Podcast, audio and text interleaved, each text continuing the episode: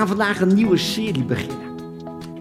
En eh, we preken altijd in series in de gemeente, dan na vier of vijf weken over één thema. Omdat we het mooi vinden om daar even wat dieper naar te kijken. Om even dieper te kijken van, hé, hey, wat, wat, wat kunnen we hiermee? Wat allemaal past bij ons als gemeente. En we gaan vandaag beginnen met een serie die heet De Vier Verhalen. De vier evangeliën. Matthäus, Marcus, Lucas en Johannes. En ik vind dat leuk. Ik hou daarvan. Want wat het mooie is, is dat hè, ehm, de evangeliën. Hè, wat, we, hebben het pas hebben een serie gehad over het goede nieuws. En het goede nieuws in drie woorden is, wie weet het nog? Jezus is Heer. Dat is het evangelie in drie woorden. En nu gaan we een hele serie doen, eigenlijk over de vier evangeliën, waarin we een, een, een beter beeld mogen gaan krijgen van wie Jezus is. Vanuit het perspectief vanuit een van die vier schrijvers. En het, het, het mooie is, als we, als we naar Jezus kijken, kunnen we elke keer opnieuw iets leren van Hem. En zie, zie je als een voorbeeld dat, dat een, een, een vierkante box met muren waar Jezus in zit, maar met allerlei verschillende raampjes. Grote ramen, kleinere ramen, hoog, laag. En elk raampje waardoor je heen kijkt, kun je een nieuw of iets zien van Jezus wat je niet ziet als je door een ander raampje heen kijkt. En wanneer ik gewoon door het raam recht vooruit zou kijken en ik zie Jezus zitten, dan zie ik Jezus alleen maar vanaf de voorkant. Maar dan zie ik niet Jezus vanaf de achterkant. En wanneer ik misschien iets door mijn knieën heen zak en een lage raampje kijk, dan zie ik misschien zijn handen beter. De handen waar de gaten in zitten, waar hij door genageld was toen hij aan het kruis was geslagen. Wanneer ik misschien naar de, naar de achterkant loop en door de achterkant door dat raampje kijk, dan zie ik misschien wel de striemen op zijn rug. En zie ik een stukje van Jezus die ik niet zie als ik alleen maar vanaf de zijkant kijk. En wanneer ik vanaf bovenaf een trapje naar boven klim en door het dakraam heen kijk naar beneden, dan zie ik misschien wel beter de kroon van Jezus. Die Jezus draagt omdat hij gekroond is, omdat hij de koning is. Dat is wat de vier evangeliën doen. Maar dat is niet alleen wat deze vier evangeliën doen. Dat is wat de 66 boeken van de Bijbel doen. Deze kubus heeft 66 ramen. En in elk stukje kunnen we zien wie Jezus is. Want wat is dat beeld wat jij van Jezus hebt? Als ik nu die vraag zou stellen, hoe zie jij Jezus? Wat denk je wat hij zegt? Wat denk je wat hij doet? Hoe beweegt hij zich? Want het belangrijk is, de manier hoe jij Jezus ziet, bepaalt hoe je Hem benadert en hoe je Hem aanbidt. En misschien zie jij Jezus wel als op een van deze plaatjes. Mag de eerste meteen. Is dat als jij door het raam kijkt naar Jezus toe, is dat misschien wel een van deze drie plaatjes. Of misschien wel een van de volgende plaatjes. Jezus die zijn vinger opsteekt, heilig is vanaf afstand, of die de wereld draagt, of Jezus als een klein babytje. Is dat je beeld wat jij van Jezus hebt? Of misschien heb je wel Jezus, in je, je beeld van Jezus is als de volgende. De lachende Jezus. Dude. Ik weet niet of je de, de, uh, de Chosen gezien hebt. Mocht je hem nog niet gezien hebben. Waanzinnig om naar te kijken. Omdat je Jezus naar ziet die, die grapjes maakt met zijn discipelen. Die speelt met kinderen. Die, die kritisch is. Die, die duidelijk is. Een mooi beeld van hoe Jezus daadwerkelijk is. Maar het, beeld wat jij van Jezus hebt. bepaalt hoe jij hem benadert. En, en we hebben elke, elke twee weken op zondagavond hebben we een open heaven. Waarin we als gemeente bidden, voorbeden doen, hè, profiteren, God zoeken voor de gemeente. En dat doen we al jaren. En een aantal jaar geleden was er iemand die, die regelmatig daar naartoe kwam. En wanneer hij begon te bidden, dat is altijd wel grappig, dan begon hij altijd met, um, Heer, u bent goed, of, of, in een andere vorm. Hij begon in de, in de u-vorm te bidden. En dat zijn, we, zijn de, de meeste van ons gewend. Maar na, na, na een paar regels veranderde dat. Hier, u bent goed. Nou, en jij bent zo dichtbij. En jij bent dit. En jij bent dat. En ik dacht bij mezelf, wacht even hoor. Ik ben door mijn ouders opgevoed met, met oudere mensen. Ouders spreek je aan met u. En wij hebben onze kinderen niet, niet opgevoed van ze moeten u tegen ons zeggen. Ze mogen jij of je tegen mij zeggen en tegen, tegen mijn vrouw. Zolang het maar respectvol is. Maar de eerste keer toen we op die gebedsavond daar zaten en hij deed dat. En ik dacht, dit vind ik gek. Hoe kun jij God, die zo groot is, zo ver weg, maar zo dichtbij, met jij aanspreken, met je aanspreken? Maar hij deed op zo'n mooie en respectvolle manier, dat het heel veel aangaf eigenlijk hoe zijn relatie en hoe zijn intimiteit met hem was. Met God was, met Jezus was. Wat ik bij mezelf dacht, ja, dat is wel een hele mooie manier om God ook te kunnen benaderen, om Jezus ook te kunnen benaderen. Dat is wat hij deed. En kijken naar de vier evangeliën kan ons helpen om een complete stukje, een complete beeld te krijgen van wie Jezus is. Zodat we Hem kunnen benaderen en zodat we Hem ook op een completere manier kunnen aanbidden. Zonder struggles, zonder, zonder enige terughoudendheid, omdat we een complete beeld hebben van wie Jezus is. En vandaag mag ik Marcus doen. En ik ben er wel blij mee met Marcus, want Marcus is het kortste Bijbelboek. Als, je, als je het in één stuk wil lezen, dan kun je het lezen in, eh, in een uur en een kwartier als je een beetje doorleest. Volgende week uh, wordt, wordt Matthäus gedaan, dat is twee keer zo groot. Lees je gauw 2,5 uur, dus ik heb geluk. He, zo zijn alle Bijbelboeken die zijn dan daarna zijn zo'n 2, 2,5 uur dat je aan het lezen bent. Dus Marcus is gewoon lekker een klein hoofdstuk, lees, prachtig, uh, lees lekker praktisch, lekker makkelijk. Als je het leest, staat er, en toen gebeurde dit, en toen gebeurde dat, en toen dit. Het is net of Marcus een soort terugkomt van schoolreisje en gewoon eventjes vertelt van, nou, we, hebben toen dat gedaan, en toen hebben we dat gedaan, en, uh, uh, en daarna zijn we dit gaan doen. En dat doet hij op een bepaalde manier, omdat hij een verslag wil geven van het leven van wie Jezus is. En wat Jezus gedaan heeft, zijn, zijn bediening. En het mooie is wel dat hij begint met een hele mooie tekst. Hij zegt gewoon in Marcus 1, vers 1, het begin van het evangelie van Jezus Christus, zoon van God. Dat is waar hij mee begint. Hij geeft gelijk even aan, hier gaat het over. Geen discussie, wat je nu gaat lezen, gaat hierover. Als je bijvoorbeeld Johannes gaat lezen, Johannes begint met, in het begin was het woord. En het woord was God. En het woord was met God. Dat je dan denkt gelijk bij jezelf, ja, dat is wel een heel discussiepunt gelijk. Waar zou dit nou over gaan, deze, deze hele brief? En Marcus is duidelijk, die zegt, dit is het evangelie van Jezus Christus, de Zoon van God. En daarna gaat hij een verslag geven van het leven van Jezus met een perspectief om de lezers iets mee te geven wat belangrijk is voor hen. En om dat beeld een beetje te krijgen is het belangrijk om een beetje wat, wat, wat noemen we dat, achtergrondinformatie te hebben over, over Marcus. En Marcus, ook wel Marcus Johannes genoemd, is ooggetuige geweest van een deel van Jezus' bediening. En specifiek de bediening die Jezus had in Jeruzalem. Want Marcus Johannes die kwam uit Jeruzalem. En eh, waarschijnlijk waar Jezus het avondmaal gevierd heeft met zijn discipelen, is in het huis van de moeder van Marcus Johannes geweest. Dus hij heeft dat meegemaakt. Hij heeft dichtbij van Jezus gezien. Een aantal van zijn acties, van zijn woorden gehoord. En Marcus is ook meegeweest op de, op de zendingsreizen van Barnabas en van Paulus. En is ook later in Rome, wanneer Paulus en Petrus daar gevangen zitten.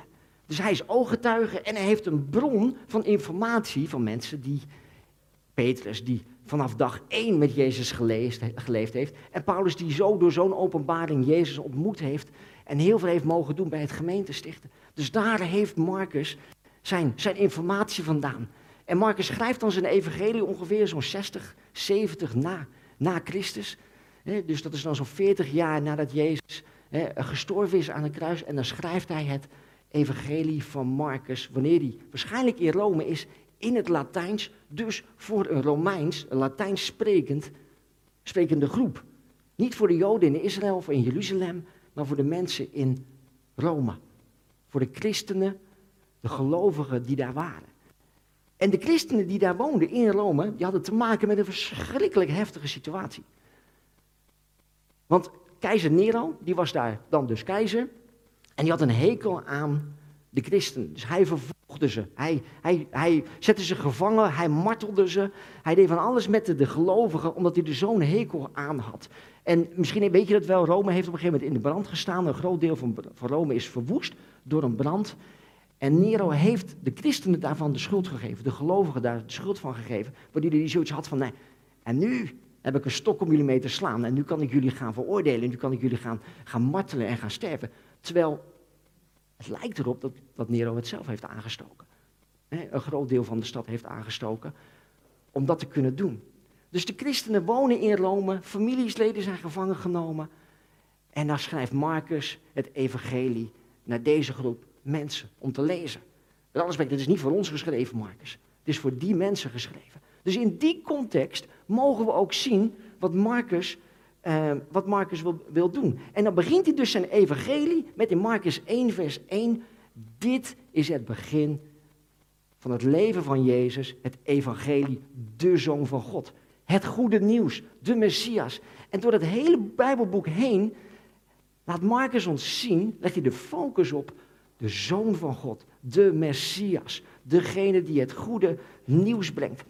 En dat lezen we ook als we in Marcus 1 verder lezen, in, uh, in vers 14. Nadat Johannes gevangen genomen was, ging Jezus naar Galilea, waar hij Gods goede nieuws verkondigde. Dit is wat hij zei. De tijd is aangebroken, het koninkrijk van God is nabij. Kom tot inkeer en hecht geloof aan dit goede nieuws. Daar begint hij mee. En, en dan in vers, uh, uh, hoofdstuk 10, vers 45, staat er dit. Want ook de mensenzoon is niet gekomen om gediend te worden, maar om te dienen en zijn leven te geven als losgeld voor velen. Dat is wat Marcus gelijk mee wil geven. Dat is wat Marcus wil zeggen tegen de mensen, in, als die vervolgde christenen in Rome. Dit is het goede nieuws. Het koninkrijk wat jullie misschien verwachten is niet het Romeins koninkrijk, maar is een ander koninkrijk. Is een koninkrijk waar Jezus gekomen is om, om niet gediend te worden, maar om zelf te dienen. En om zijn leven te geven voor de anderen. Dat is wat deze mensen mee mogen pakken. In hun heftigheid, in een situatie waar ze in zitten, in het leven, of in het, in, het leven in, uh, in Rome. En dan lezen we daarna verder in, in het verhaal in, in, in Marcus 4, lezen we het verhaal van de discipelen met Jezus in de boot. En misschien kennen jullie het verhaal wel. Jezus heeft gepredikt. De discipelen hebben al een aantal dingen meegemaakt met Jezus, hebben zijn hart gezien, hebben misschien wel door het raampje heen gekeken van, oh, dit is de, de dienende Jezus, die Jezus die mensen vrijzet, die, die, die mensen geneest. En dan zitten ze in de boot en dan gaat het stormen. En dan zo erg dat ze denken, we vergaan. En dan maken ze Jezus wakker en, zeggen, en dan zeggen ze, kan het u niet schelen dat we vergaan? Kan het u niet schelen dat we vergaan, dat we misschien wel doodgaan, dat we misschien wel sterven, hier op deze zee, op deze, in deze storm? U ligt daar lekker te slapen. Als ik me dat in probeer te denken, ik denk niet dat het zo is. Nou, Jezus, wakker worden. of misschien dat ze eerst even loodjes getrokken hadden, stokjes getrokken hadden. Wie mag Jezus, moet Jezus wakker gemaakt worden? Hij ligt lekker zo vervelend daar te slapen. Ik denk ze allemaal zwaar in de stress waren. En ik, wat gaan we doen? Jezus wakker worden. Ziet u niet dat we vergaan? Kan het u niks schelen? En eigenlijk is het een hele, niet of een respectloze vraag. Die ze stellen aan Jezus. Want ze hebben al een tijd opgetrokken met Jezus. Petrus zit in die boot. Jezus heeft zijn schoonmoeder genezen. Jezus heeft Melaatse man genezen. Het was een man met een verschrompelde hand die die genezen had. Ze hebben gezien dat Jezus demonen heeft, heeft uh, of mensen heeft bevrijd van demonen. En heeft hij zelfs de discipelen heeft hij autoriteit gegeven. Nu gaan jullie eruit. Nu hebben jullie zelf de kracht om mensen van demonen te, te bevrijden. Ze hebben dat allemaal gezien. Maar ze hebben niet het grotere plaatje al gezien. Terwijl ze denken, we vergaan. Jezus kan het u niet schelen dat we vergaan. Dat is wat er op dat moment leeft. Het is een respectloze vraag bijna, van dat wel ze zien. We hebben dit Jezus zien doen, we hebben deze autoriteit gekregen. Interesseert u het niet hoe het met ons gaat? Het is net als ik vanmorgen hier, toen ik binnenkwam tegen de band zou zeggen, die hier elke week oefent, hè, door de week oefent, vanmorgen vroeg om achter is, of zoals een heleboel mensen hier in de zaal, die hier zijn om ons te dienen, en die binnen zou komen en zeggen, ja, jullie staan er wel, maar het impliceert jullie geen ene moer. Het is helemaal niet jullie hart om mensen in aanbidding te brengen, dichter bij God te brengen. Dat zou bijna een soort dezelfde respectloze vraag zijn die de discipelen aan Jezus stellen. Kan het u niet schelen hoe het met ons gaat? Terwijl dan Jezus zegt, hebben jullie geen geloof? Waar is jullie moed gebleven? Waar Marcus dus dat verhaal gebruikt in zijn evangelie naar de mensen in Rome, die misschien daar zelf wel zitten in Rome en denken, Heer, kan het u niet schelen hoe het met ons gaat? Wij zitten hier in Rome, we worden uit elkaar gedaan, we worden gemarteld, we worden in gevangen gezet of misschien wel gedood. Kan het u niet schelen? Dat Marcus juist ook wil laten zien aan de lezers in Rome, de discipelen, zijn er doorheen gegaan. Die hadden diezelfde vraag. De vraag die jullie nu hebben, die hadden zij ook. En leefden zij nog dag in dag uit met Jezus. Zagen zij elke dag zijn ministry. En het Marcus laat zien dat Jezus zegt, zijn jullie nog niet aan het groeien in jullie geloof? Hebben jullie nog niet de moed? Hebben jullie nog niet gezien wat we al gedaan hebben? Zien jullie het grotere plaatje niet? En dat Jezus dan zegt tegen de zee, word stil, wind, zwijg. Dat is wat de discipelen ervoeren op dat moment. Jezus is in controle. Wat Marcus wil laten zien aan de mensen in Rome. Jezus is in, in controle. En in Marcus mogen we drie keer lezen dat Jezus iets uitspreekt waarin hij zegt, hè, met God is alles mogelijk. De eerste is in, in Marcus 9, vers 27, waar een vader met zijn zoon naar Jezus toekomt. En die zegt, Jezus, mijn zoon is, is bezeten van demonen. Kun je hem bevrijden? Kun je hem vrijzetten? Waarin Jezus zegt, als je gelooft in God, als je geloof hebt, is alles mogelijk. En waar die vader op zijn knieën uit roept en zegt, ik heb het geloof, kom mijn ongeloof tegemoet. Waarin Jezus zei, met God is alles mogelijk. In hoofdstuk 10 lezen we dat God op een gegeven moment Jezus het verhaal uitlegt over het, hoe moeilijk het is om het koninkrijk van God binnen te komen. Net, zo, dat, net zoals het moeilijk is om voor de kameel door het oog van de naald te gaan. Waarin de discipelen tegen hem zeggen, ja maar als het zo moeilijk is, dan is niks mogelijk. Dan kan niemand dat bereiken. Dan kan niemand dat hebben. Of misschien wel zeggen, het kan u echt niks schelen hè. Dat we een goed leven mogen hebben. Maar waarin Jezus zegt, maar bij God is alles mogelijk. En later, wanneer Jezus in de tuin van Gethsemane is, voordat hij gevangen wordt, zegt hij, spreekt hij uit in zijn gebed naar zijn vader toe. Heer, bij u is alles mogelijk. Wilt u deze beker van mij wegnemen? Ik kan deze last niet dragen. Maar als het uw wil is, dan wil ik uw wil doen. Maar hij begint, Vader, bij u is alles mogelijk. Maar Jezus koos niet voor de angst. Hij had de angst, zat hij vast. Neem deze beker van mij weg. Maar hij koos vertrouwen boven zijn angst. Vertrouwen op God de Vader. Waarin Jezus liet zien ook hierin, ik, maar ook de Vader, het kan hem wat schelen hoe het met jou gaat. Begin je een beetje het beeld te krijgen wat Marcus probeert te doen voor zijn luisteraars, voor zijn lezers? Waar hij ze mee probeert te nemen door te zeggen, dit is, is het evangelie van Jezus Christus, de Zoon van God, de Messias, degene die bevrijdt, die voor jou zorgt, die, voor jou, die, die, die eh, zorgt voor jou en die het moeilijk vindt als het slecht met je gaat. Dat is wat zijn hart is. En hij gezegd, houd moed, houd geloof. Jezus koos vertrouwen boven zijn angst. Dat hij die beker vast had. Bij u is alles mogelijk. Neem deze beker bij mij weg. Maar als het uw wil is, dan wil ik uw wil doen.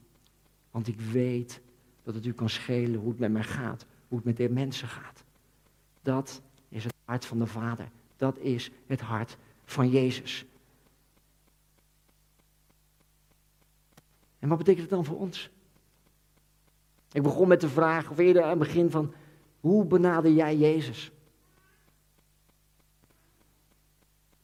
Wat zijn de dingen waardoor je het misschien wel moeilijk vindt om een compleet beeld van Jezus te krijgen?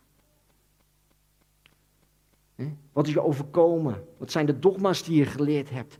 Wat is je kennis? Wat zijn je omstandigheden?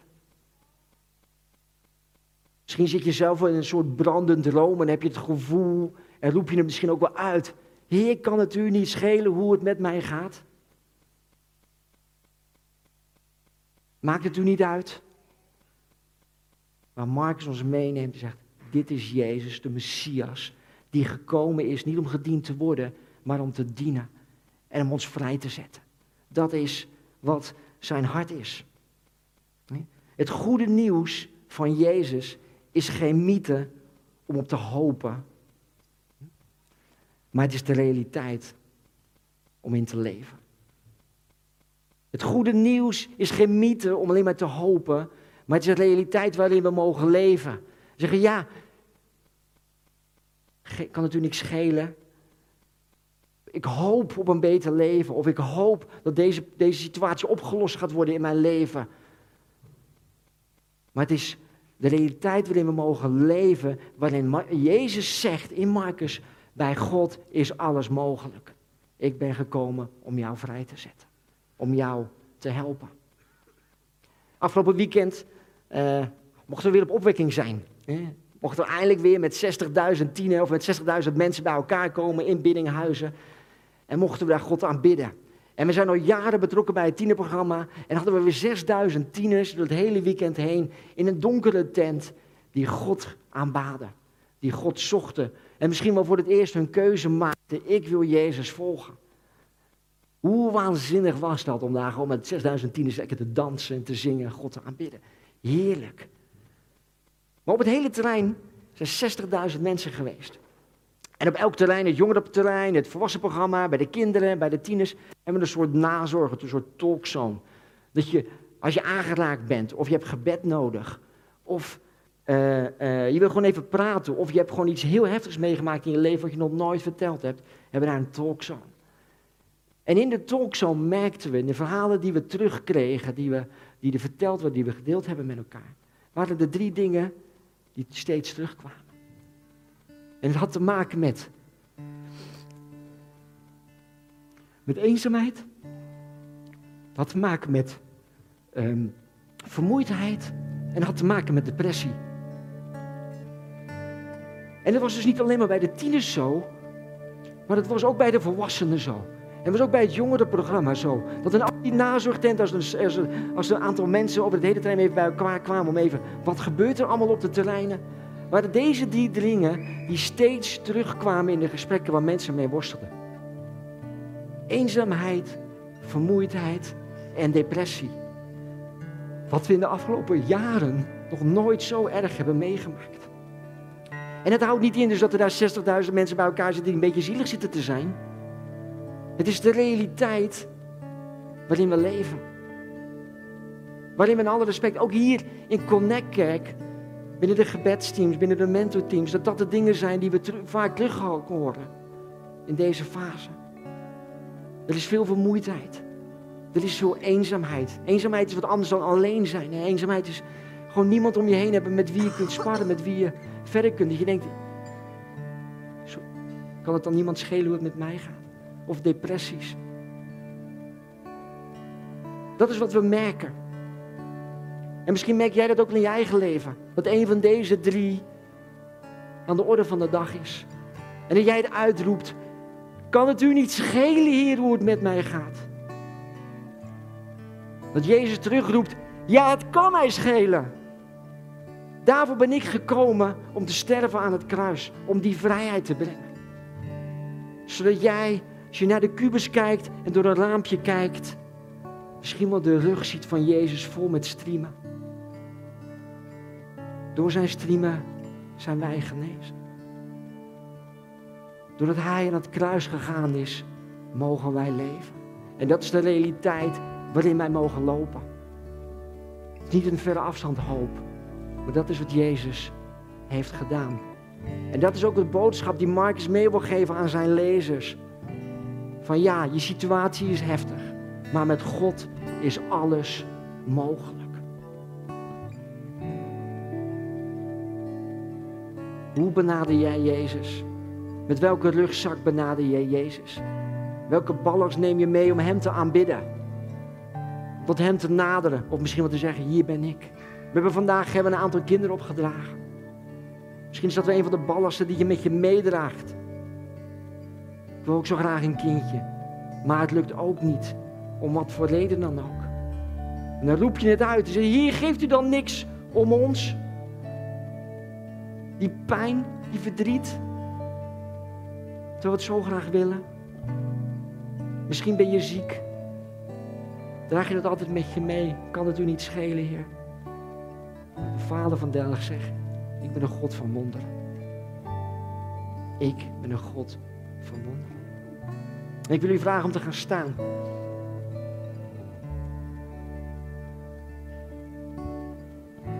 En wanneer we het volgende lied zingen, dat je in alle oprechtheid even naar jezelf kijkt. In je eigen hart, in je eigen gedachten. Misschien ben ik weer een van diegenen die worstelt met een van die drie. Met een depressie. Met vermoeidheid. Of met eenzaamheid. Dat je belemmert om dichter naar God toe te bewegen. Dan hoop ik dat je kunt uitspreken. Maar met God is alles mogelijk. Of zoals de vader zei, ik heb geloof, kom mijn ongeloof tegemoet.